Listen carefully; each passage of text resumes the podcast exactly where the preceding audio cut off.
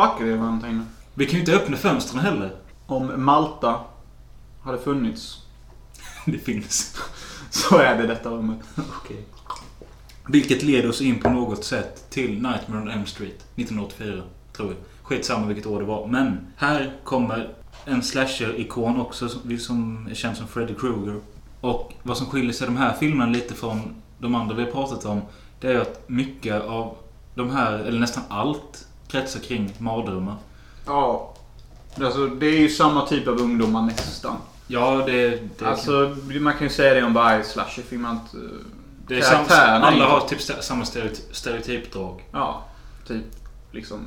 Det är samma talk på något sätt. Ja. Det är det som är skönt på slashfilmerna tycker jag. Typ att få de här sköna ungdomarna som snackar om ligga eller vad de ska bli i framtiden. Och det är mysigt fan. Och vi alla kan relatera. Vad gör katt? Vad håller du på med? Vi har en katt här som vaktar oss. Men, ja. Katla heter hon. Och eh, hon är en stor varg. Nej, men till skillnad från Fredag 13 och Halloween så tog det faktiskt lång tid för mig att se alla Nightmare on Elm Street. Jag hade, Harry ett stöt. En annan drog ju alla på en gång. jag liksom ettan, tvåan, trean, sjuan hade jag sett ett par gånger. Alltså under tio års tid. Men det är bara det senaste, förra året så såg jag allihopa. Och vad jag säger, de som sticker ut. Ettan är fortfarande stabil skräckfilm. Alltså den håller fortfarande. Jag tycker nog den är den bästa första filmen av de här tre stora vi har nämnt. Alltså den är bättre än Halloween 1. Den är bättre än Fredag 13 del 1. Den är starkast ettan. Kanske. Ja, jag är nog fan mer för fredagen. Alltså det är någonting med Nightmare on Elm Street som jag tycker är lite så här. Jag vet inte vad det är, men alla har någonting som gör att jag inte direkt känner den här goa känslan. Den saknar den här... Den har inte det här lättsamma typ. Nej, precis. Alla Nightmare on Elm Street är väldigt... Allvars... De är allvarsamma, det är de. Faktiskt. Fast ändå, det blir lite tramsigt när Freddy ska hålla på med sina one-liners och... Ja, precis. Då blir det väl lite så här mer kul och lättsamt. Även de första filmerna som ändå behandlade Freddy som en mörkare karaktär. Så är det ändå kul. Utöver ettan då, så är det ju... Tvåan är ju väldigt speciell. Eftersom... Jag vet inte, är han homosexuell eller vad är han? Eller... Alltså jag gillar inte Nightmare on Elm Street 2 någonstans. Jag tycker den är seg och tråkig och det händer ingenting. Det enda som händer är, det enda roliga som händer det är när han säger så här You got the body. I got the brain. Och så kliver han av sitt egna huvud som en indian. Och så får vi se hans hjärna. Det är det enda som är kul. Och så öppningsscenen där med bussen. När den stannar liksom på domedagen och allt faller. det är också rätt coolt. Ja. Men det tycker jag är genomgående för den serien att den har ofta ganska häftiga effekter och sådana grejer. Ja, det är väldigt så här coolt liksom när Freddy kommer in och gör sina grejer. Det är kreativt som fan. Och de är rätt goriga med vissa av dem. Ja, vissa av dem och sånt och... Del 3 i vilket fall. Är ju klart bäst. Det, är, det är, tror jag många håller med om. Ja, alla håller med. The Dream Warriors. Ja. 1, 2, 3, du skyller mig läsk. Jag vill ha Coca-Cola. Vill du ha det på riktigt? Mm, ja. Fixa det. Se, där ser ni grabbar. Rules are meant to be followed. Det är ju- Åh. Så, då har vi lite Cuba Cola light. Men då, Nightmare on Elm Street del 3. Det är ju den bästa. Det är The Dream Warriors. Mm. Eh, huvudrollen har vi en ung Patricia Arquette. Heter hon ja? Ja, det heter hon. Ja, de bytte ut henne mot fyran sen. Ja, det gjorde de. Ja, det gör de. Men det märks knappt. Men varför är del 3 den bästa då? Vi är ju överens om det. Jag vet att många andra är det med. Jag tror jag vet varför. Alltså det är ju för det första... Alla... Jag, liksom, nej, men jag vet inte. Jag vill inte påstå det kanske är direkt miljö. Men det är bara att det är så bra pace. Och liksom, den är väldigt uppbyggande. Och när det väl slår till till att bli slutfinal, de sista 50-40 minuterna. Då är det liksom de fyra mest intressanta som ska liksom gå in i den här drömvärlden och slåss mot Freddy. Vi har vår ex-knarkare, vi har vår nörd som tror han är trollkarl. Och alla får ju dessa krafter i den här drömvärlden. Ja, just det. Det de typ inte har i verkligheten eller något sånt Ja. får de i drömmar. Ja, precis. Deras, En rullstolskille. deras drömmar går i Ja, uppfyllelse. rullstolskillen, klart han är någon geek-trollkarl.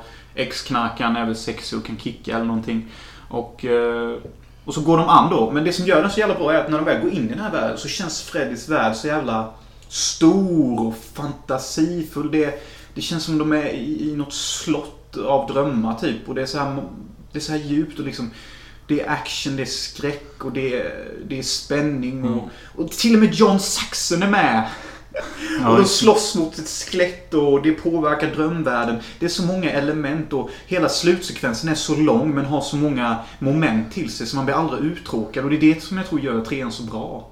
Trean var också den första jag såg och det som nästlat sig fast mest i minnet för mig Det var introsekvensen när hon sitter och bygger sitt papphus. Det är väl för fan fyra? Nej, det är trean. Hon bygger ett hus i papper som är... jag vet- Är det sitt egna hus eller är det Freddys hus eller vad fan är det för något? Det är någons hus. Vilket fall som helst, jag tyckte det var så jävla... Det satt sig i mitt huvud hur hon byggde ihop detta och att man sen zoomas det in i det här papphuset och då kommer man till det riktiga. Ah, Något sånt där. that's pretty far. Sen den Fucking kända scenen med när han, Freddy Krueger leker marionettdocka. Ja, det är den första han dödar där. Ja. Han är... De har fällt in han i himlen, ser han jättestor ut och så leker han så kastar ner någon stackars jävel. Likadant mordet vid den här sängen där en sexig sjuksköterska som är då Freddy Mm. slänger ut sina tungor så de knäpper fast hans händer och ben i sängen. Mm. Och så kommer helvetet under... Ja, precis. Och det var här jag sa, när jag sa innan med dessa stora fantasyvärld. Att vi bjuds in till första gången hur stor och kraftfull Freddy är med sina alternativa världar. Och att vi ändå får vandra så länge i det och det blir utdraget. De andra filmerna är mer så här. Freddy kommer in, leker lite med sina offer och dödar dem. Mm. Det har, det har inte det som trean har. Det här äventyret in i en dimension typ. Jag tycker det är häftigt med liksom det här att just det är drömmar och jag tror vad jag har hört alla de här ryktena att folk, eller ungdomar ville inte sova sen på 80-talet typ. För att de var rädda att Fred skulle komma i drömmarna. typ. Precis. Vad hette han som gjorde den här... Han dog ju nyligen. Wes Craven. Wes Craven. Han fick ju idén av... Han skulle förresten, jag vill också påpeka att han är ju den bästa av de här kända skräckregissörerna vi har nämnt. Och han är även den mest karismatiska om man ser till intervjuer och allt sånt här. Han verkar alltid vara rätt skön till skillnad från John Carpenter. Han är bara en dryg gubbe och... Som jag sa innan, han verkar ju bara hata slasherfilmer nu bara för att uh, Halloween inte får den vikten förtjänar eller vad fan som helst. Ja. Men vad skulle du säga om Wes Craven? Han fick fan inspiration eh, till Freddy från skuggfolket faktiskt, om jag inte minns fel. Mm, för, Själva drömgrejen? ja, för som ni vet, The Shadow People, det har ju blivit rätt populärt nu. Det är alltså skuggfolket och de, de lever i skuggorna. Så det är därför de kommer fram under natten. Så allting som bildar skuggor kan de ta liv i. Och de här sägs ju komma medan man drömmer mardrömmar. Och de kan ju tydligen döda en. Och det fanns faktiskt ett fall där vissa dog av mardrömmar. Ja, det är dokumenterat och Wes Craven blev då inspirerad. Och detta hade med skuggfolket att göra. Skuggfolket och den skiten nämns ju inte någon gång under hela serien. Nej, nej. Men det är ju för att man har fokus på Freddy då. Och han är väl typ... Freddy Krueger var väl någon mobbare som hette det i hans skola. Ja, och man kan ju nästan, nästan i första filmen faktiskt nästan märka av skuggfolksinspirationen. För när han gör sig själv jättestor eller någonting så får man först se skuggan Ja, typ. Och då Mm. kan man få tänka sig, ja det är ju lite shadow people inspiration. Ja, och skuggfolket också snor ens själ. Det är det de är ute efter. De kommer till en med kryptiska meddelanden och sen snor de ens själ och dödar den. Precis vad Freddy gör. Mm. Kryptiska skojiga meddelanden, snor själ. Efter då del 3 så vet inte jag riktigt vad jag ska säga om serien. Alltså... Jag tycker fyran är grym. Fyran var bra. Men sen, alltså speciellt, jag, jag, jag kan inte särhålla femman och sexan. Men någon utav dem var ju genomrutten. Ja, du tyckte femman var genomrutten. Ja, det var den. Det enda jag tycker är konstigt med femman är varför har Freddy så långa armar? Är det The Dream Child eller? Ja. Varför har Freddy så långa armar? Det har jag aldrig fattat i den filmen. Det kommer jag inte ens ihåg. Direkt från första scenen så är hans armar typ 20 cm längre än vad de är i de andra filmerna och hans tröja räcker inte till. Och jag har alltid undrat vad detta beror på. Mm. Jag fattar inte. Del 7 då, den var ju lite häftig med det här metakonceptet och så. Men Ah, jag, mitt problem med den är typ sista halvtimmen allting ska knullas ihop. Jag, nej. Sen då, det, det, det är också självklart har ju den filmen också en remake. Och den remaken, jag har ju sett... Jag kan inte riktigt avgöra om den... Jo, den är nog fan den sämsta av Fredagen, Halloween och Nightmare. Alltså då är Nightmare den sämsta remaken. Jag har inte sett remaken men många snackar en jävla massa skit om den. Till och med Roget... Roget. Roger Pontare har till och med uttryckt sig om att den sög. Nej, men Robert Englund som är den klassiska Freddy, han har ju till och med sagt att eh, det där var ingenting att ha. Nej, Och han är ju inte med i den då, utan han som spelar Freddy i den filmen är han som spelar Rorschach i... i Watchmen. Kommer inte ihåg James Earl... Något sånt. Jones. James Earl Jones. Ja, ja. Är inte det någon... Det är Darth Vaders röst. Jaha, James Earl Haley eller något sånt. Ja, skitsamma om Nightmare on Elm Street. Jag- Hur uttalar jag det? Nightmare on Elm Street. Den svenska titeln Terror på Elm Street den funkar rätt bra faktiskt för en svensk Ja. översättning. Ja. Och. Som jag sa innan, jag tycker det soundtracket är bättre i Nightmare on Elm Street. Den går så här. dun, dun.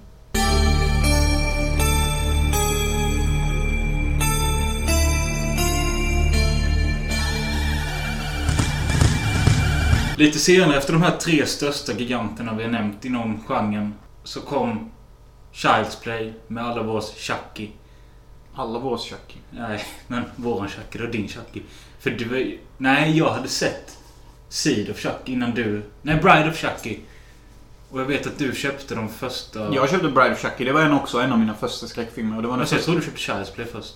Nej, nej, nej. Bride of Chucky var min första jag köpte. Och första jag såg med Chucky. Jag tyckte den var svinbra när jag såg den. Jag tycker nog fortfarande. Jag tycker den är helt kul. Det man kan nämna är ju att eh, istället för att det är typ människomonster här så är det liksom en, det är en docka som mördar folk. Ja, en good guy då. Hi, I'm Chucky. Wanna play? Var dockan har blivit besatt av en... Charles Lee Ray. Serial killer. Convicted to death. I told you to take the wizard's staff. Brad Dourif. Brad. Bra- Men ni kände igen han. Han spelar Igor Ormtang i Sagan om de två tonen också. Han gör rösten till Chucky. Ja. Och Chucky är ju en docka som eh, mördar folk. Det sa jag. Ja, han lyckas ta över dockan genom att använda voodoo eller någon sån skit. Give me the power I beg of you. Så det filmen på hela tiden. Typ. Ja. Men vad fan, det är Chucky. Det enda som skiljer denna slashen från andra är att liksom... Det är inga kids och ungdomar med. Nej, utan det är någon jävla Det är mer familje... Ja, det är mer familjedrama typ och sån skit. Och det är ju typ lite tradigt för han är typ besatt av någon unge. För det är ju så att eh, han erkänner till den här lilla pojken att eh, ja, jag är egentligen en seriemördare fast i en docka. Och sen får han reda på sin voodoo och lär att eh, ja, nu är det så att den första du erkänner vem du egentligen är till måste du ta hans själ. Och ännu en gång tänker jag så här, det är ju skitpraktiskt för de har ju redan börjat bonda. Så då behöver vi ju liksom inte liksom smälter ju storyn ihop perfekt. Jag kan faktiskt inte... Jag kan inte skilja på ettan och tvåan. Jag vet att trean är en militär... Ja, den är skitkul. Trean tycker jag om som fan. Är den bästa? Ja, men den har ju lite mer karaktärer. Och den lilla pojken som jag ändå inte vet vad han heter, som han alltid jagar. Ja, just det. Han är ju en tonåring nu och det blir lite Heter han roligare. typ också Billy eller något? Jo, han heter Billy eller så skit. Han är en tönt i de första två filmerna. Han är rolig i trean för då är han typ tonåring. Ja. Eh, ja, mitt minne av det är ju att eh, både ettan, tvåan och trean är helt okej. Ja, alla de är typ i princip lika bra, men jag föredrar trean mest. Och, Eh, jag vet att Bride of Chucky, det var också den första jag såg. Den är väl rätt kul. Seed of Chucky, not so much. ja, den är typ för Då komisk. får alltså Chucky och hans brud, som också är en docka med mördarinstinkt. Jennifer Tilly. Ja. Ni vet hon. But Chucky, I have big tits and a squeaky voice and therefore I'm famous. Alltså jag vill inte dissa henne, jag Det tycker är om henne som bästa fan. imitation hittills i podden. Alltså, av all, ja. Av alla jag gjort så är det nog rätt okej. Men alltså jag vill inte dissa henne här. Det är den av de anledningarna hon är känd. ja, ja, men alltså hon, jag gillar henne. Jag gillar också henne. Eh, men i Seed of Chucky, då ska de få en unge eller något sånt. Ja, de har redan fått en unge och han är störig typ. Men alltså jag kommer ihåg första gången jag såg den, då var jag typ 12. Då skrattade jag som fan. För det är typ en film gjord för 12-åringar. Det är typ, ja... Det är ju... Det är ju en, typ en slasher gjord för... 12-åringar. Ja, typ. Med dockor typ. Men alltså den är rolig. Alltså, jag skulle lätt kunna tänka mig att se den igen. Alltså jag menar inte det. Jag kommer ihåg för något år sedan så kom Curse of Chucky och vi såg den ihop. Den suger ju dock. Det var Jesus. så jävla dålig alltså. Ja, den suger pungkula. Det gör den faktiskt. Jag vill inte ens prata om den eller gå in på den. Se den själva och så kommer ni förstå att den är kass. Så ska man se Chucky ska man se de första fyra typ. Ja, kanske Seed of Chucky. Om, om, man, om man gillar Bride of Chucky. Kan man se Seed of Chucky. Och när, ja, om man gillar Bride of Chucky och gillar de komiska elementen. Och känner att jag vill bara se en Chucky-film med komiska element. Då se Seed of Chucky. Grabbar. Gå och se den då. Jag vet inte, kommer du, tror du det kommer komma fler Chucky? Jag hoppas det och jag tror det. Jag för mig läste att det skulle göra det. Men frågan är liksom om inte Curse of Chucky, för jag, jag kan inte tänka mig att den blev så bra. Nej, men Curse of Chucky hade ju... Alltså, jag tyckte ändå den var helt okej. Ända fram till de typ 20 minuterna. Sista 20 minuterna. För då kommer killen in från de tre första. De, den som han alltid är besatt av. Och typ skjuter Chucky. Och så kommer Jennifer Till in. Och hon lever tydligen. Den är asrörig. Alltså, vill ni se en clusterfuck till film så se den. För de sista 20 minuterna går inte att fatta ett skit av. Och det skriver alla om den också. Att jag fattar ingenting och det här går inte ihop på fem öre. Men alltså, sen, alltså liksom, det som gör de här Chucky-filmerna så jävla bra, speciellt de tre första. Det är alltid slutfighterna med Chucky. För det, det blir alltid sån jävla eh, sölig gegga av den här lilla dockan. Ja, just det. Han smält så För han... eh, tänk så här att den här lilla stackars dockan slåss mot människor. Och den här dockan är fan inte högre än 30 cm och han har inte styrka som en vanlig människa heller. Så liksom när han ska börja slåss mot sina fiender så... Om inte han dödar dem direkt up front, alltså då har han ju problem framför sig. Och det märks så jävla tydligt. Speciellt i tvåan. Alltså det, han typ... I ettan med. Att de typ hugger av huvudet och kastar in han i elden och så bara kommer han där som en sölig klump av plast och bara... Ja. Och samma sak hände fan i tvåan också när de slåss in i den här leksaksfabriken. Då sågas hans armar också av och allting hände och han bara Must kill. Det är inte mycket dockor kvar. Så han kan fram som en sölig gegga av trasdockor. Och jag tycker det är så rått. Och det är synd om han. Han klarar inte av de här människorna. Typ. Alltså, Ja men Chuck är ju... Han är ju en karaktär man gillar ju. ja, det är ju det som gör Alltså hans- även om man gillar så Jason och de här killarna döda så är inte de särskilt sympatiska. Men Chucky bryr mig så lite om sig. Ja, det är därför inte man behöver de här likeable kidsen och sånt. Nej. Typ för att Chucky ger... Chucky levererar all karaktär vi som publik behöver. Han svär och han är rolig och hans röstskådespel är helt fenomenalt och... Det är allt så här You fucking little kids I'll fucking stab you in the fucking neck and I'll fucking kill you. Fast det är typ mer komiskt och typ mer rått. Och det är en bättre röst. I'm fucking infamous. I'm one of the most notorious slashers in history, and I don't want to give that up. I am Chucky, the killer dog, and I dig it! Who the fuck is Martha Stewart? Just shut up and drive before I kick your fucking teeth in! Give me the power, I beg of you! Ja, vad fan finns det mer att säga om Chucky? Om ni bara vill se en, se trean säger jag. Den enda anledningen till att jag tycker att folk ska se tvåan är på grund av bruden. Som den lilla pojken blir typ kåt i. För hon är modlig och ung och den har en fantastisk final. Ettan tycker jag fan man kan hoppa över. Den är fan sämst av alla. Förutom Seed of Chucky då. Mm. Curse of Chucky. Ja, just det. Men ni ser, Curse of Chucky är så kass. Att min hjärna liksom medvetet, medvetet tar bort den ur minnet. Så kass är Curse of Chucky. Vi snackade om Wes Craven innan. Och han återupplivade slasher-genren efter att han varit död några år. 96 med en film som heter Scream. What's your favorite scary movie? Uh, I don't know. You have to have a favorite. What comes to mind? Um, Halloween. You know, the one with the guy in the white mask who walks around and stalks babysitters? Som är... Vars mask är baserad på tavlan Scream. Skriket. Faktiskt. Ja, visste. Edward Munk. Ja. Ta och titta på den tavlan. Det är ju helt solklart att det är det. Ja. Jag tycker det är konstigt att ingen annan pratar om det. Nej, jag vet inte men i vilket fall som helst.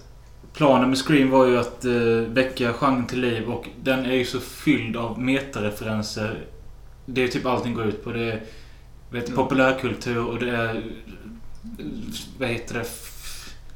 Pikar åt andra gamla filmer. Ja. Är, Ta en sån här enkel grej som att vaktmästaren på deras skola heter Freddy och ser exakt ut som Fred. Han har samma jultröja på sig och ja, men det, allt. spelar, det, det spelas väl till och med Wes Wes Craven? Ja, det kanske spelas av Wes Craven, det vet jag inte.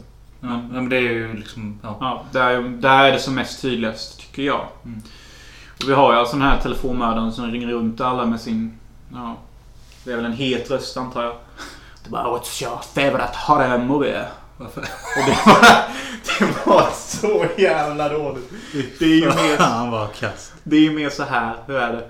What's your favorite scary movie? Nej, fy Jo men det är något sånt. So, what's your favorite horror movie Carl? låter Lägg, som en bara, lägg ner. Vi klarar inte grabbar. Nej, men... Jag kommer ihåg att eh, Scream var ju... Den såg jag väldigt tidigt, typ något år. När, samma år som kom till Sverige kanske. Jag tror nog också jag gjorde det några år senare. Eh, Okej. men jag kommer ihåg att jag hade ettan och tvåan inspelade på VHS. Film jag såg... Nej, jag hade bara tvåan. Och det var därför jag såg den som mest. Nu när jag sett om dem i senare år så... Alltså... Tvåan är inte så mycket att ha. Nej. Det, ettan är ju riktigt bra. Den är ju... Den har... eh, Alltså jag tycker mer om fyran. Jag, jag visste att det skulle komma till det, men jag säger ettan så som den... eh, You knew that? Ja. Ettan är ju så jävla stabil med allting. Ja... Ja, det är den väl kanske. Jag vet inte. Jag minns inte så mycket från ettan. Det är det som är det sjuka. Jag minns första Det är mordet. som en, eh, vad heter det? Eh, Det är som en ungdomsserie. Med de här sköna kidsen som hänger på den där poolen och de sitter och snackar skit och det är goa fester och sen så kommer mördaren in bara. Jag tror jag vet ett problem jag har med Scream-filmerna nu är att det är här vi börjar märka av att slasher-genren börjar gå åt svinhållet. Vad sa du? Börjar gå åt svinhållet. svin? Svinhållet ja. Under 80-talet så hade vi karaktärer som var sköna och likeable. Nu, Menar du nu som är 96? jag menar nu som är 96 och då man började märka av det. Jaha. Att då skulle helt plötsligt alla ungdomar bli väldigt unlikable. Och alltså det, alltså det är tydligt i slasher alla, alla, alla karaktärer som mördaren går runt och mördar Vad snackar du om? Alltså det, de flesta i eh, Scream är sköna pajsare. Jag vet inte vad jag pratar om. Jag ville bara... Jag vill bara säga grejer. Okej. Scream 3 är inte heller så bra. Nej, den är inte så bra. Men sen hände något. För tio år senare så kom Scream 4. Och jag älskar den. Grabbar, jag avgudar den. Jag tycker den är så rolig och så bra. Och vad heter den där Emma... Roberts. Emma Roberts. Spoilers! Det visar sig då att hon är Scream-mördaren. Jag tycker det är så kul. Hon flippar ju sönder ju. För hon ska ju då liksom så här typ bara Men nu måste jag lägga allting på dig. För det är hon som har gått runt och mördat alla. Och eh, hon vill lä- lägga det på huvudbruden. Som spelas av samma bitch som i alla filmer. Neve Campbell. Ja. Men är det inte... Är det inte som i de andra filmerna, typ att det är två mördare i den? Jo, jo, jo. Jaha. Men han är en geek och han dödar henne. För det är Emma Roberts och hon är cool. Men det är många, alltså, många unga skådisar i den filmen. Där tycker jag det är likable characters. Ja, precis. Det är därför den är bra. Alltså jag gillar alla där, typ. Ja, ja det gör jag. Jag vet att de snackade i, i Vacancy podcast. De gick igenom alla Scream-filmer i tre och en halv timme. Ganska bra avsnitt, lyssna på det. Men de nämnde i alla fall att de är så trötta på när man kommer till Scream 3 och 4 där. På eh, Courtney Cox och David Arquettes karaktärer. Gabe och... Va? Jag gillar dem som fan. Nej, men jag det är det jag tycker är bäst med Scream. Deras love. Jo, alltså jag har inte så stora problem med det. Men jag tycker det känns som en frisk fläkt när man tar in helt det här nya gänget. I fyran alltså. Jaha, ja, varför då? Därför då är det, då är det liksom med de gamla karaktärerna i ofokus och vi slänger in de nya i fokus. Ja, ja. Klassisk Force Awakens-stil. Ja. Ja. Det är ju snyggt ju. Ja, men det är sant. Men jag gillar deras love för att den, deras love är pure. Och de blev ihop redigt ett tag. Väl? Är de skilda nu? Ja, de skilde sig. Nah. Varför skilde de sig? Jag vet inte men Courtney Cox hade ju, vet du, hon var ju anorexia och skit. Något sånt. Alltså. Nej, det var nog inte därför hon skilde sig men jag bara kom på att hon hade det. Alltså, har hon det fortfarande? Nej, det vet jag inte. Hon ser väl ganska fräsch ut i Cougars. Cougar Town. Cougar Town. Men ja, jag kan hålla med om att jag vet inte vilken jag tycker är bäst, Scream 1 och Scream 4, men de två är de bästa i serien. Ja, det är de nog faktiskt grabbar. Trean är lite slö och så. Tvåan är ganska obetydlig och ettan är början och fyran är det nya krutet. Jag hade gärna sett att Wes Craven gjorde en helt ny trilogi med de här... Alltså att... Wes Craven är död. Jo, men det vill jag skulle säga att fyran var startskottet för en ny trilogi. Ja. Jag vet inte om det var tanken, men det hade varit jättekul om man hade fortsatt. Men han dog ju tyvärr. Men för andra killar kan man hoppa på registolen. Det behöver inte vara Wes. Nej, men... Jag, Craven är inte all men jag vet att alla de här är skrivna av samma Kevin Williamson. Ja. Så, så länge han kanske får skriva så kanske det sköts bra. Jag vet inte. Ja, varför inte guys? Eh, Men eh, det sista, det sista vet jag inte om det var, men Craven stod som producent på MTV-serien Scream. Som, där typ, det tar, tar samma koncept.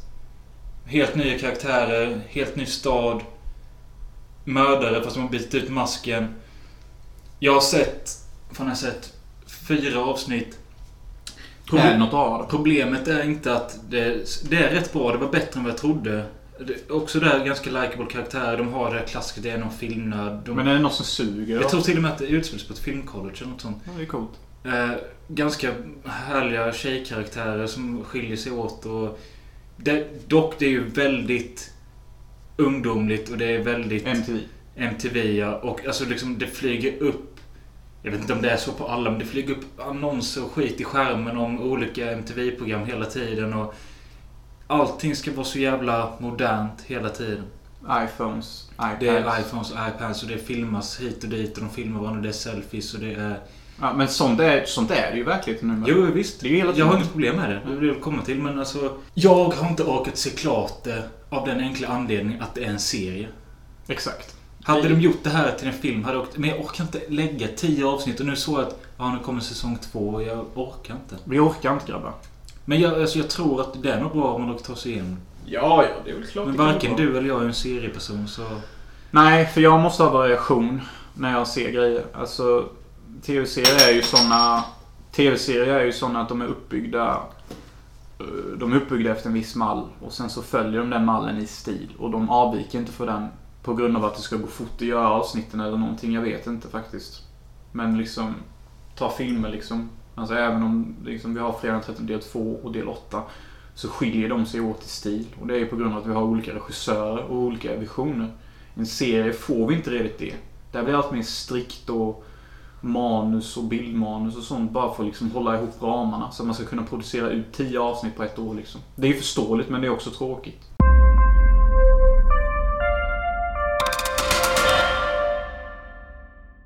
Fan vad äcklig din jävla loranga var. Kolan menar Fy fan. Nej, din loranga. Varför säger du det nu? Det var ju flera timmar sedan du drack den. Jaha, det är min. Usch. Jag trodde jag drack ditt saliv eller någonting. Det är mitt egna saliv som måste smaka skit eller något. Ja, nu har vi täckt giganterna. Okej. Snabb äh, återberättelse här. Har ni inte sett Fredagen? Fan ta och se dem. Har ni inte sett Nightmare on Street? Samma sak där. Fan det finns ingen ursäkt. Vill ni vara med i verkligheten, gå och se filmerna. Där har ni det. Jag tål inte er om ni inte har gått och sett dem. Men Skärp alltså- er. Nu säger jag igen. Tåls att tilläggas att... Fan är han? Är han någon jävla lärare eller? Ja. Nej men att... Bör, börja med första filmen i varje serie men sen får ni ju också fatta att det finns bättre på vägen. Ja, Och- oftast är det två. sämre, men- Oftast är det två. Eh, Det gäller ju inte varken... Det gäller ju fan inte någon av de tre vi har nämnt. Vänta, vi kan säga. Det gäller fredagen, tycker jag nog än så länge. Det gäller definitivt inte Nightmare, för tvåan är sämst. Halloween 2. Alla Halloween suger. Förutom en. Få in det Child's Play 2. Ja, men den tycker jag är rätt bra, men jag tycker fortfarande trean är bättre. Ja, men vänta nu. Med skräckfilmer och skräckfilmserier så är det nog fan ofta så att trean kan vara bäst. Jag tänker bara på Scanners 3. Okej. Alltså jag ville bara hoppa dit, men Scanners 3 är ju fantastisk. Ja, den är häftig. Alltså vi har Lena P.O. i huvudrollen. Och hon tar över något stort företag och mindfuckar alla. Och hon är hur sexig som helst med någon som gör det. Och det är så mycket action och den är så tacky. Den påminner om Die Hard på några sätt. Och att se den grabbar, bara se den. Child's Play. Se dem. Framförallt om ni vill ha slasher och det heligaste av heligaste slasher. Bara sätt er och se fredagen liksom. Det är inget krångligare än så. Men Scream är bra med. Scream är lite mer för de finare människorna skulle jag vilja påstå. Vad fan menar jag med det? Men jag menar det, den är, den är, den är lite så här. Ah, Är inte Scream lite så? Typ bara, man är en finare människa om man tycker om dem. De har ju lite så här mer klass på sig. För att de är så jävla smarta och de har sina filmsnack hela tiden. Du vet, en upp, de, det är det som är så kul med Scream. De, de, de, de utger sig själva för att vara så jävla kunniga inom film. Det är de säkert. För det är ju stora personer som gjort filmerna och skrivit dem. Men man blir lite så här typ bara... Lägg ner. Ja, man blir lite så här typ, är jag bjuden på det här kalaset? Det känns lite så när man ser filmerna, att jag är inte redigt bjuden på det här. Detta är för andra människor. Det är alltså man kan säga, det är gjort för de som har sett film. Typ. Exakt. Så jag är bjuden på grund av min kunskap. Men jag tänker någon som inte har Ja men kunskap. de kan ju gilla den då för att de behöver inte bry sig om det där. Men de kommer känna sig oinbjudna. De kommer känna sig som om de står utanför festen och får dricka grogg. Medan alla andra dricker vin eller någonting. Låt oss gå vidare. Ja. Vi har alltså nu gått igenom de största filmerna. Eller de största filmserierna. Inom slasher. Och vi tänkte nu gå igenom några ströfilmer i genren som kom både efter och ja, under tiden de andra serierna pågick. Och de här tycker jag är lite kul för att eh, man har ju typ inte sett så många av de här unfamous one och det verkar ju inte så många andra människor ha gjort heller. Och man förstår ju typ lite varför när man har sett några. Vi har ju nämnt ett flertal gånger att det är sjukt varmt. Ja. Det har inte hänt någon skillnad på två timmar här nu. Förutom att my balls are dripping with salty sweat. Ja, och någonting som är trevligare än hans saltiga pung är sommaren i The Burning från 1981. Vilket är en alternativ slasher. Eller kan man säga alternativ? Ja, om den avviker ju sig ifrån det att den inte är en långlivad serie. Ja, alltså det finns bara en The Burning. The one and only. Och The, The Burning kretsar kring ett gäng ungdomar på ett sommarcamp. Låter det bekant? Ja, för det är likadant som i Fredag den 13. Ja.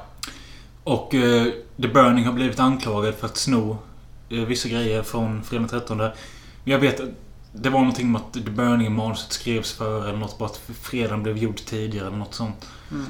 Jag vet, skit i det. Det är inte så jävla intressant.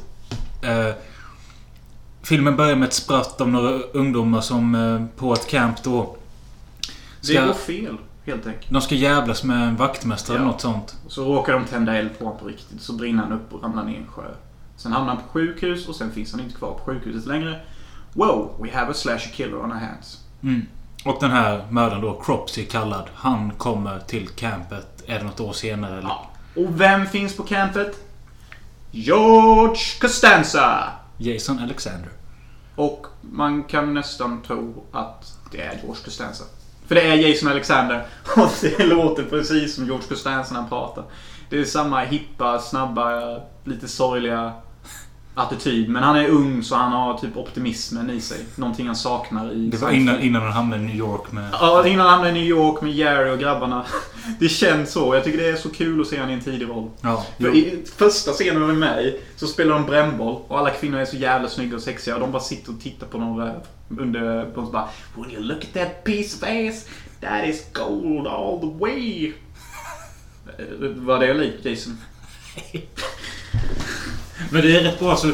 Det är kul att du försöker härma alla karaktärer för till slut sätter du det någon gång. Mm, mm. Till slut sätter jag det.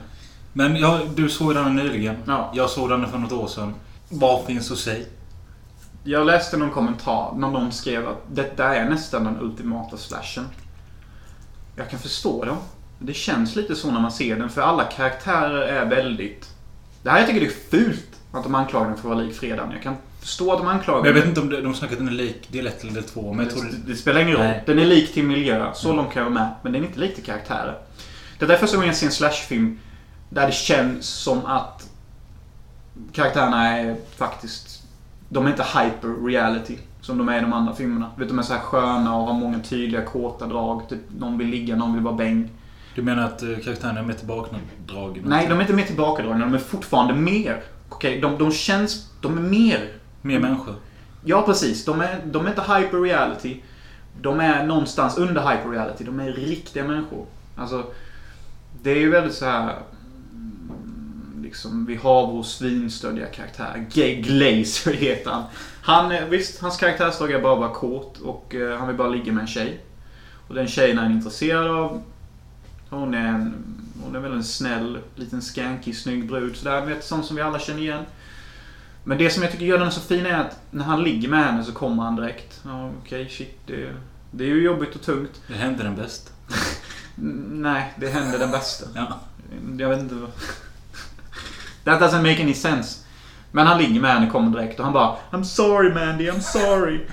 I'll do better next time, I swear. Och sen så blir han väldigt så här ärlig, typ bara. För han har alltid varit så här stöddig och tuff innan och typ övertaggad och liksom, man fattar ju någonstans att det är hans sköld.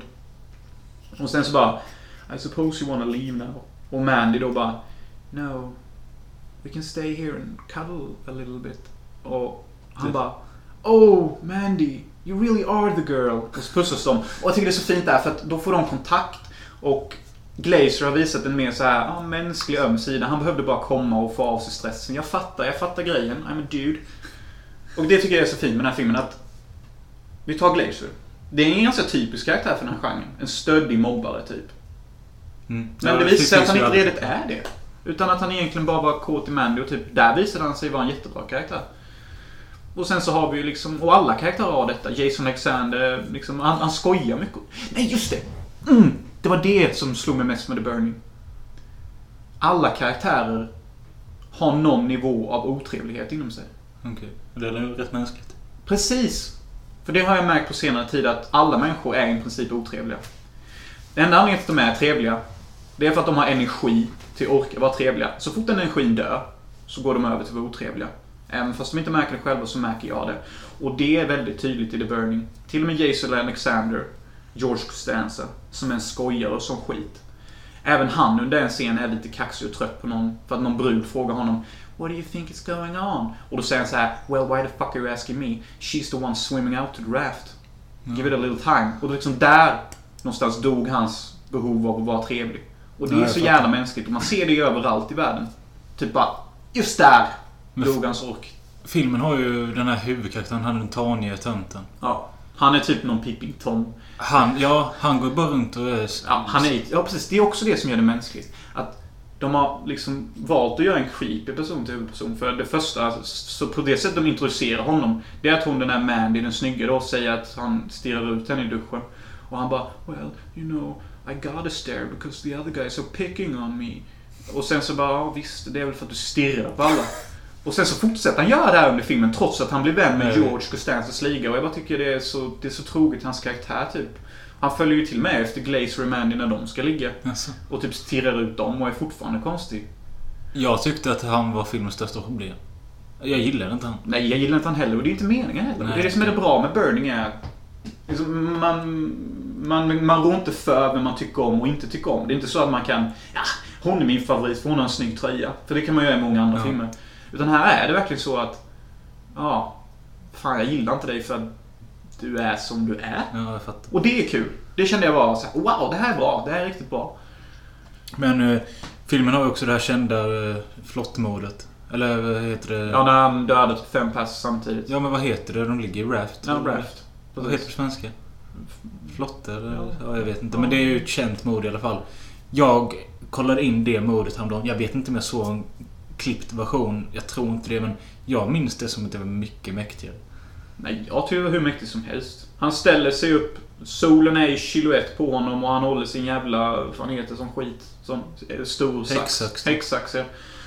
Han bara slicear alla, han slänger den till höger och vänster, klipper av fingrar, folk skriker, han spettar halsar, blod skvätter. Det är så jävla eh, bråttom, man blir fan lite kåt.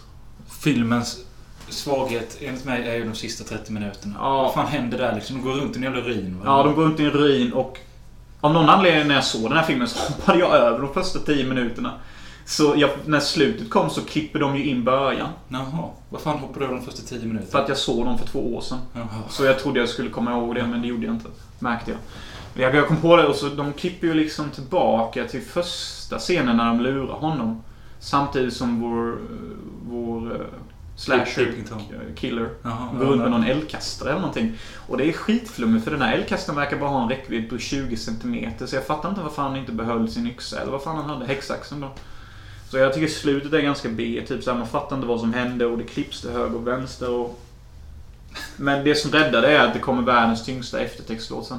Ja, den är riktigt bra. Den, jag vet inte hur den går nu men den sätter verkligen en stämning. Så här låter den.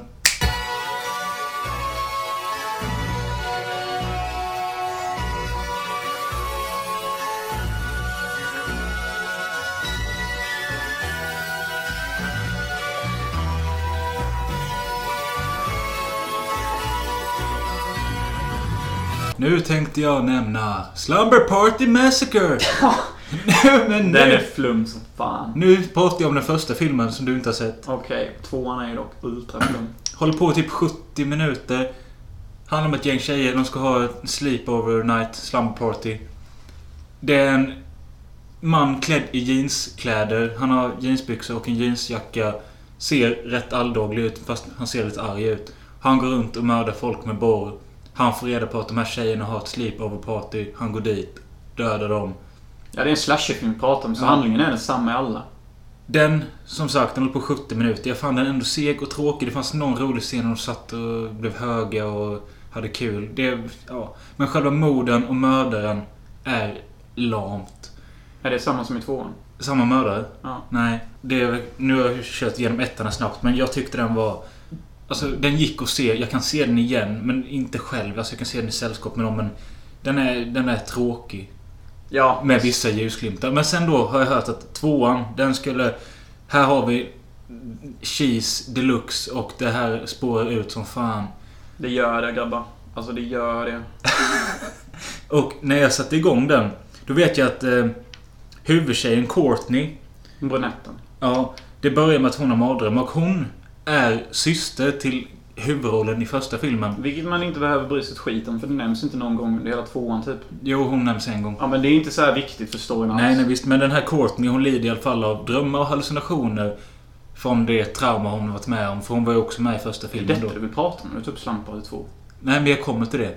Jag, alltså, det här börjar med de här drömmarna och hallucinationerna. Och sen så tycker jag att hon sköter sin dagliga... Sitt liv helt normalt. Alltså det är bara... Hon har de här drömmarna, sen släpper hon det. Hon lever Ja. helt normalt. Ja. Och filmen... Helt normalt. ja. Ja men vänta här nu. Vänta, vad är det du brukar säga? Det tåls Och tillägga. att tillägga att hon är den typen av tjej som har ett litet sexigt band som de spelar in i garaget. Som, till min förvåning, inte Allas lät... nya catchphrase. Till min förvåning. Som till höra. min förvåning inte lät som kattskit. De kunde spela, de kunde sjunga lite. I vanliga By the way. Hennes väninna, vår huvudbrud. Var inte hon typ den vackraste kvinnan du någonsin sett? Men jag vet inte om du menar. Hennes väninna, brunettens väninna. Hon hade flera stycken. Ja, men bara en som var attraktiv som in i helvete. Ja, jag ska tänka på det. De har det här bandet, de spelar och de är inte dåliga. Ja, de är inte bra heller. Nej, nej. Men eh, de är inte så... Jag, jag, när jag- såg att de skulle börja spela så tänkte jag okej, nu kommer det bli så... Ja, det är kul för att de är jättedåliga. Men så var det ju inte. Nej. Nej. Och sen överlag så tänkte jag den här första 30 minuterna att Fan, härlig tjej ändå henne. Hon, hon var likeable tyckte jag. Ja, men det är inte det här jag tycker vi borde prata om. Vi pratar om Sen filmen. vänder filmen. Han, han pratar massa skit. Sen vänder filmen när hon hallucinerar. Vad fan hon gör att det flyger ut en kyckling på henne i... När hon öppnar kylskåpet. Ja, det flyger ut en kyckling och börjar blöda som fan. Det tycker jag är kul och psykedeliskt.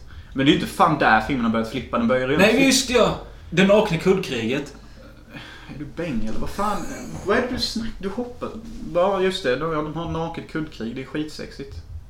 Jo, men det är också så konstigt med för att de, det, är- de är fyra tjejer. Tre tjejer liksom är lite glada och fulla. Så är det en som spårar ut. Hon är lite värre än alla.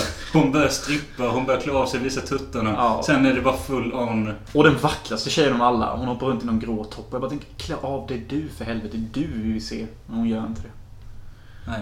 Oh Men God. du, du dig på mig hela tiden nu. Vad är det? Ja men vad fan. Du nämner massa jävla plot things. Det, det sjuka är ju i klippningen för helvete. Bara ta introt. Hon ligger och har någon mardröm. Ja. Och sen så klipps alla framtida mord in snabbt som fan.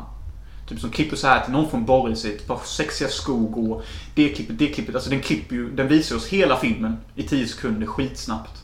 Ja. Och sen börjar filmen. Ja, ja. Detta är väldigt 90-tal känner jag. Och det är det jag tycker är intressant med den här filmen. Är att den har mer... Den Filmen är från 80-talet. Ja, den påminner mer om någonting som hade gjorts under 90-talet än 80-talet. Med sin klippstil. Ja. För det är väldigt så här 90, typ bara vi leker i redigeringsrummet, vi gör vad som helst. Och det var detta som du blev irriterad på att inte jag tog Ja, men jag tyckte det var viktigt att nämna för att den, den här sticker ut och sen bara... Den har många konstiga så här filmgrejer. Men så, så sen så flippar ju Slumber Party 2 ut utav helvete. Okej, om kycklingen var förrätten, då kommer ju fan huvudrätten nu. Då är ju för fan det... Okej, då presenterar vi oss våra mördare in. Våra slasher killer. Och jag har aldrig sett någon konstigare människa. Han ser ut som någon jävla rockabilly. Och har världens största jävla elgitarr som är röd. Och en borr längst fram. Ja, det är en borr längst fram på denna. Så jag tänker direkt så här. Okej, den här killens grej är alltså världens största elgitarr med en borr. Och han ska bara sjunga och säga random flumgrejer. Ja, han sjunger, han skriker och skrattar. Och Ja, han... han bara Wahoo! This is rockabilly! Och så bara typ dansar han omkring typ med sin gitarr och spelar på den. Och typ... Jag fattar ingenting. Nej, Jag bara, var- ska, vi vara, ska vi vara upphetsade den här killen? Jag visste att det skulle spåra ut lite för efter vad jag läst då. Men det här... spårar ju så fan. Och han dansar omkring med den här gitarren och spettar en efter en och sparar upp dem på hemska sätt. Och det är ganska grafiskt. Det får ju filmen kudos för att moden är ju thrilling. Typ. Ja. Men alltså, all uppbyggnad till morden med den här konstiga jävla rockabilly-människan som bara... Och så soundtrack, det är också rockabilly. Ja, ja. Typ de springer från honom, så är de så här bara... Hej då, hej då, hej här, ho. Man bara, vad fan är det här? Typ, jag fattar ingenting nu. Eh, Typ, det kändes som att... Typ bara... Det här ska bli den mest ikoniska slashermördaren någonsin. Stor jävla elgitarr, ett vapen med borr, skinnjacka, rockabilly. Bara konstig. Okej guys, det är det vi kör på. Men jag fattade inte, jag som har sett första filmen. Jag tänkte, vad, ska detta föreställa jeanskrigaren från första filmen? Men det tror jag absolut inte. Det ska detta är en helt ny grej. Jag fattar Man ingenting. fattar inte ens om man är i verkligheten eller om man Nej, är... man fattar inte om han är en drömdemon eller om han är i verkligheten. Men när han mördar folk så ser det ju ut som de är i en drömvärld. För typ ljuset blir rött och grejer. Och eh, dörrar låser sig utan anledning. Och det är ju väldigt så här typ bara... Men filmen i sig är ju lite så här psykedelisk, surrealistisk. Ja. Eftersom det är mycket drömmar och sånt. Det är ju det jag menar att den påminner om 90-tal mycket. Ja. Typ i sin filmning och sin stil och sin budget. Favoritgrej för mig, förutom det nakna kuddkriget, är ju det här med finnen. Det är ju riktigt häftigt. Ja, hon stirrar... Någon brud är ganska besatt över att hennes finne ska synas. Och så... Hon tittar på den här bruden då och mellan klippen då så växer hennes finne till en jättestor finne som täcker hela facet. Och sen så Hela ansiktet hänger typ i Ja, gegget. det blir en enda stor finne och till slut så sprängs den ut på vår huvudbrud. Och ja, det är rätt äckligt faktiskt. Men jag gillar huvudbruden som fan faktiskt. Hon är, hon är brunett och hon är moderlig och hon påminner säkert om hur våra mammor såg ut när de var unga. Nu är de ju 50 allihopa. Ja. Det finns ju en Slumber Party Massacre 3. Jag har hört att den ska vara bättre än de andra två, men jag tvivlar på det. Jag vet inte hur sugen jag är. Men den Jag också... började titta på den. Jaha, Det gjorde jag. Men jag stängde av efter en kvart. okej. För den påminner exakt om tvåan. Okej. Tvåan i början, vet när de åker till stugan och den här skiten. Ja. Så har de ju att de, hon tittar ut genom bilen. Och då ser hon först staket. Ja. Sen ser hon granar och sen ser hon lyktstolpar. Alla har liksom så här, det är samma stil. Det är en massa på tal. Och två och trean hade samma sak. Bara att det var andra grejer. Och det var exakt samma bil, det var exakt samma snack och de skulle ungefär till exakt samma ställe. Så jag började känna någonstans att ska jag se en exakt likadan film så är jag inte sugen på att se den direkt efter tvåan. Okej. Men det Men vet, vad? Det tåls att tilläggas Ja. att Slumber Party Massacre 1, 2 och 3 är alla gjorda av kvinnor och det är olika kvinnor. Ja, det är intressant faktiskt. Och det märks nästan lite att det är kvinnor typ som har gjort filmen. Jag tycker oftast det märks. Jag vet inte hur jag kan säga hur det märks. Men det råder en viss annan inställning till hur karaktärerna är tacklade. Så det är något väldigt subtilt. Jag, jag tänkte på det med alltså, det är gjort av kvinnor så, men det är ju ändå liksom bröst in your face och det är ju ändå... De Ja. visste ju vad som behövdes för genren typ. Ja, ja, alltså men... Det tycker jag alltså kvinnor får mycket skit för. Att om kvinnor skulle bli regissörer så skulle inga härliga mansgrejer finnas med. Vilket är jättekonstigt för alla kvinnor, alltså alla filmer gjorda av kvinnor som jag kan tänka på. Har många grejer som jag vet män överlag diggar. Ja, jag vet. Liksom American Psycho är gjord av en kvinna.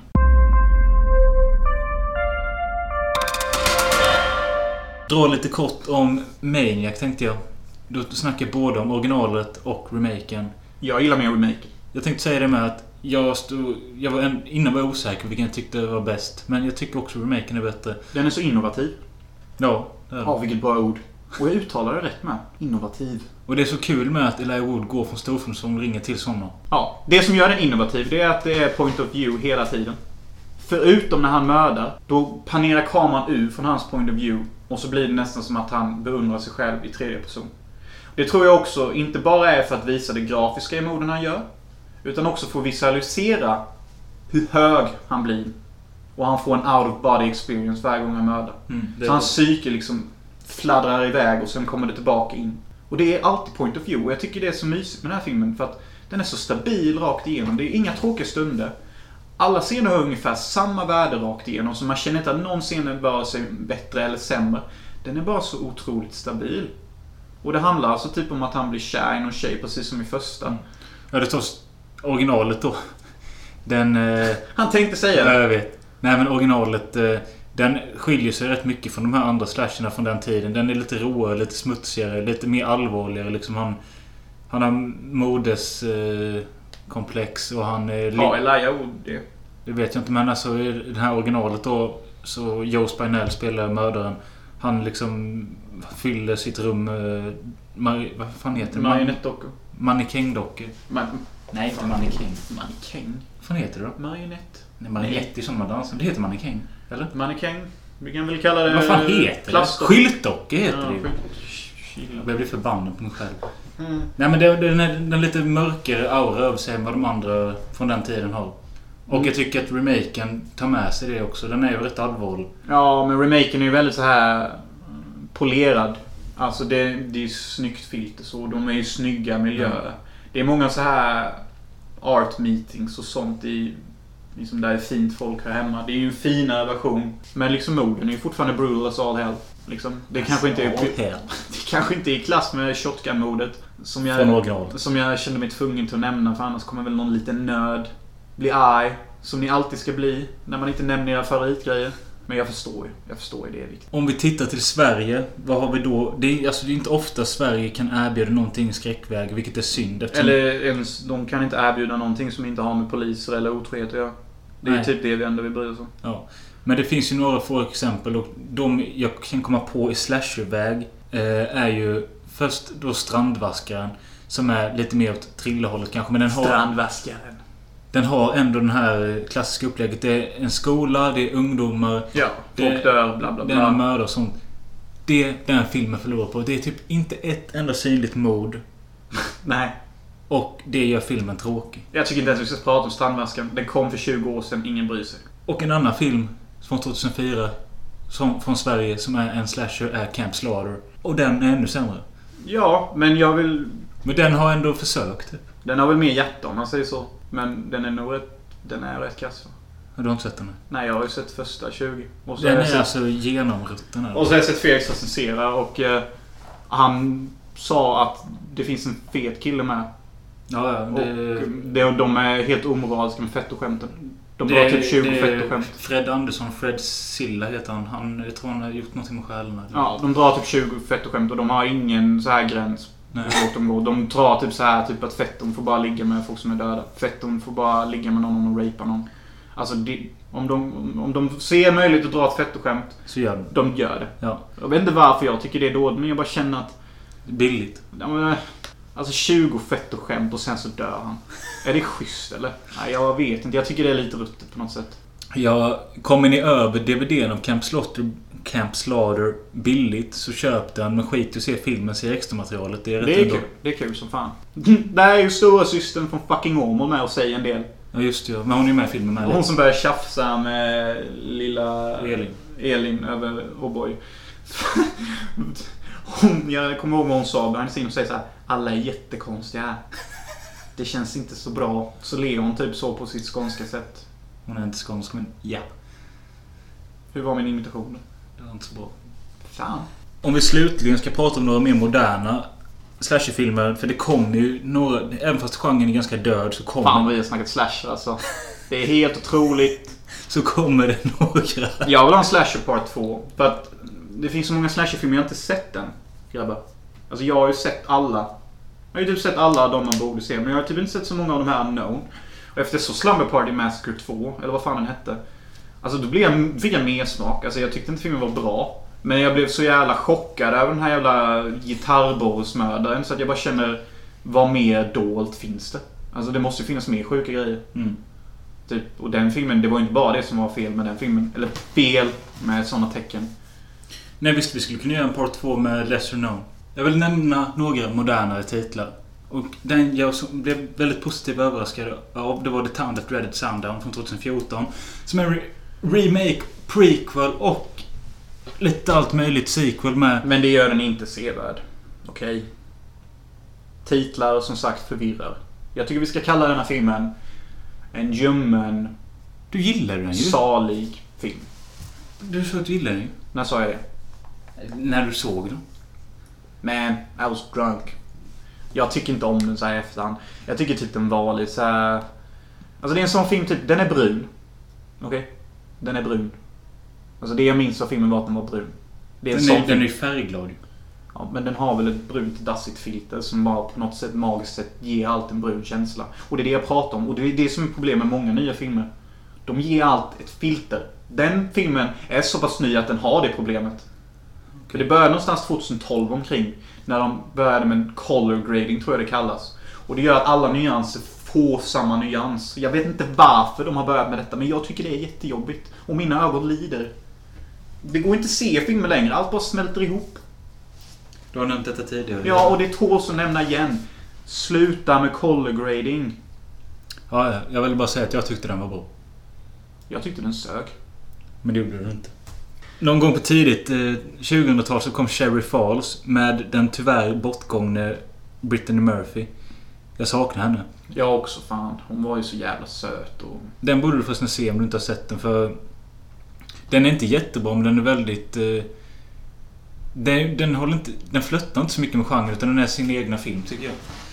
Fast allting handlar ju förresten om oskuld. För så här är det.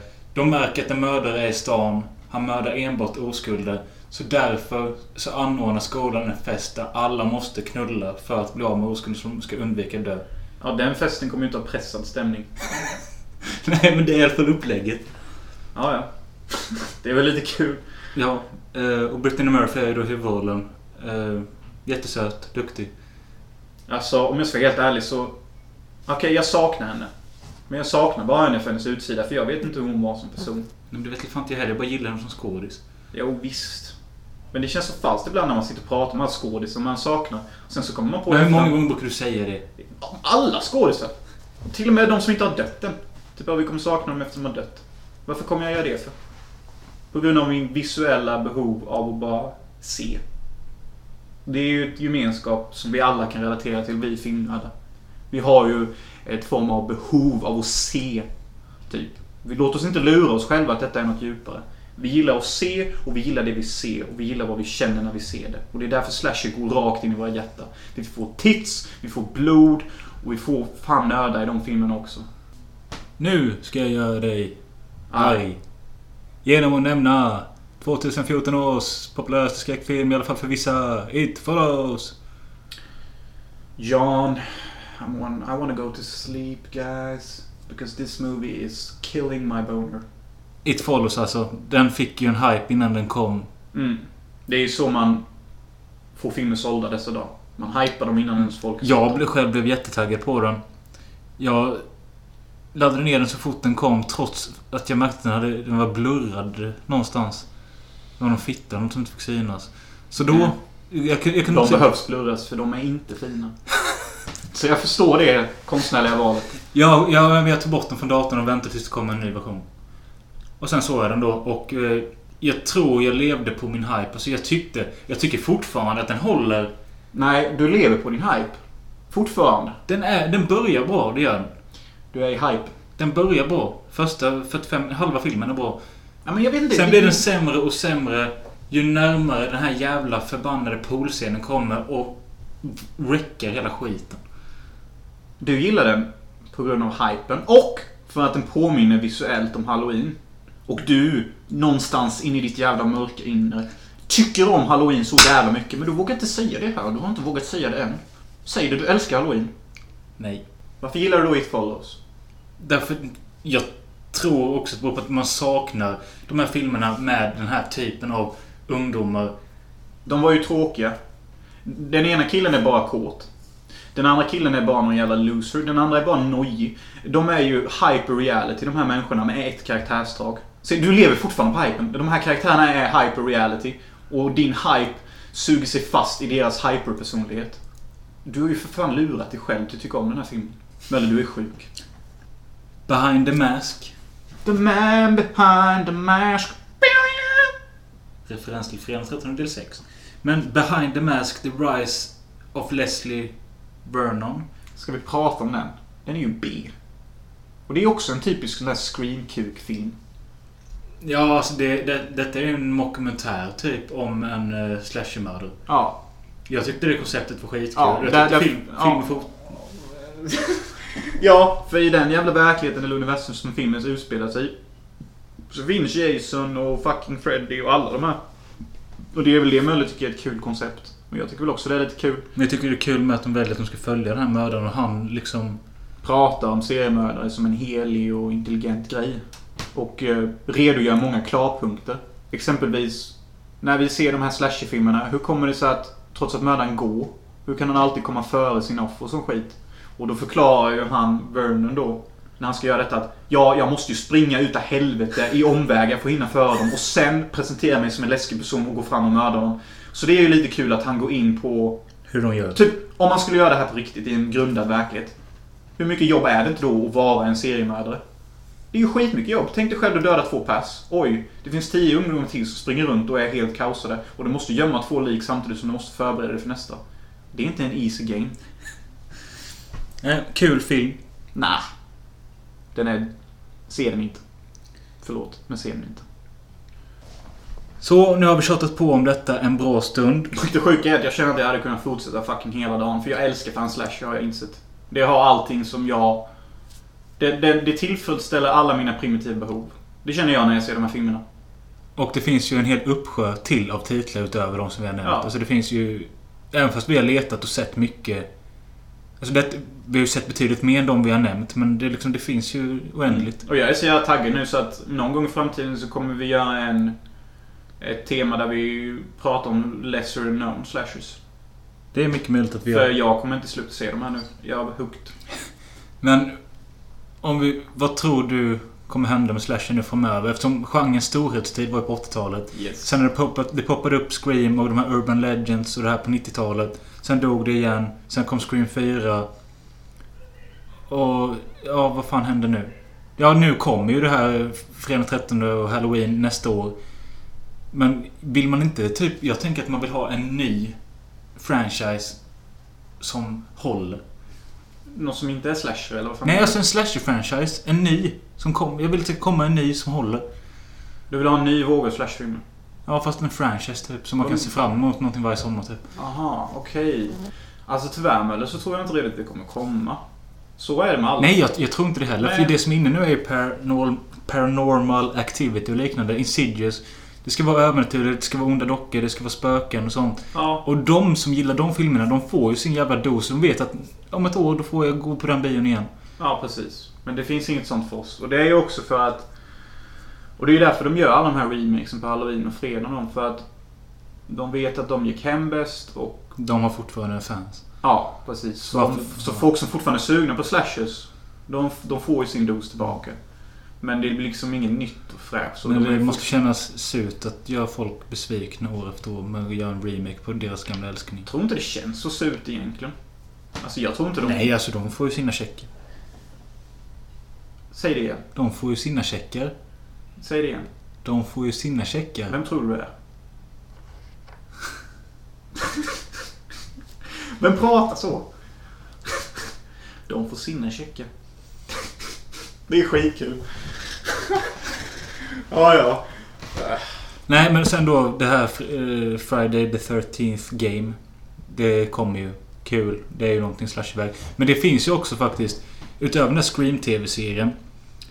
Eh, serien Prom Queens med tidigare nämnd Emma Roberts som var med i Scream 4. Hon är ju huvudrollen i den serien och hade den varit lite mer seriös så kanske jag hade fortsatt kolla på den. För Den det, är lite skrik och MTV. ja, du och jag såg några Ja, avsnitt. den riktar ju sig till under 18-åringar. Ja, det är alltså, Kanske till och med tidigt 20 och så. Men det är ändå kul för där har vi lite av slashen att det fortfarande fortsätter så. Men det är bara att det är gjort i en barnsligare tappning. Jag tror tyvärr det är helt ute alla. Alltså så är det med alla. Men det är ju inte helt ute, det hör du ju. Ja, jo, jag vet. Men det är ändå utet. Okej, kolla här. Det kommer fortfarande nya Giallo-filmer. Men de är fan inte ens i närheten av att vara lika bra som de äldre. Sant. Jag vet förresten också, det, kom, det har kommit en ny serie som heter Slasher. Yeah.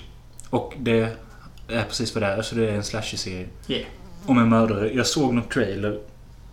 Jag kommer inte ihåg vad innehållet trailern var, men jag kommer ihåg att detta såg bättre ut än jag trodde. Men jag kommer ändå inte orka se det, för det är en serie. Exactly, guys. Gör en film som heter Slasher och se den. Men sen så är det så här, slasher-genren är utdöd. Okej, det är så grabbar. Så här är det. Jag tänker lära er en läxa nu.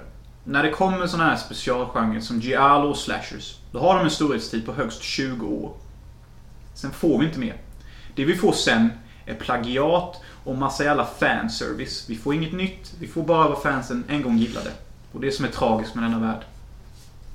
Och det är exakt vad som kommer hända i den här slasher-genren och det är exakt vad vi ser nu. Vi ser remakes och vi får vad fans vill ha. Glöm allt nytt. Det kommer bara vara uppfräscht.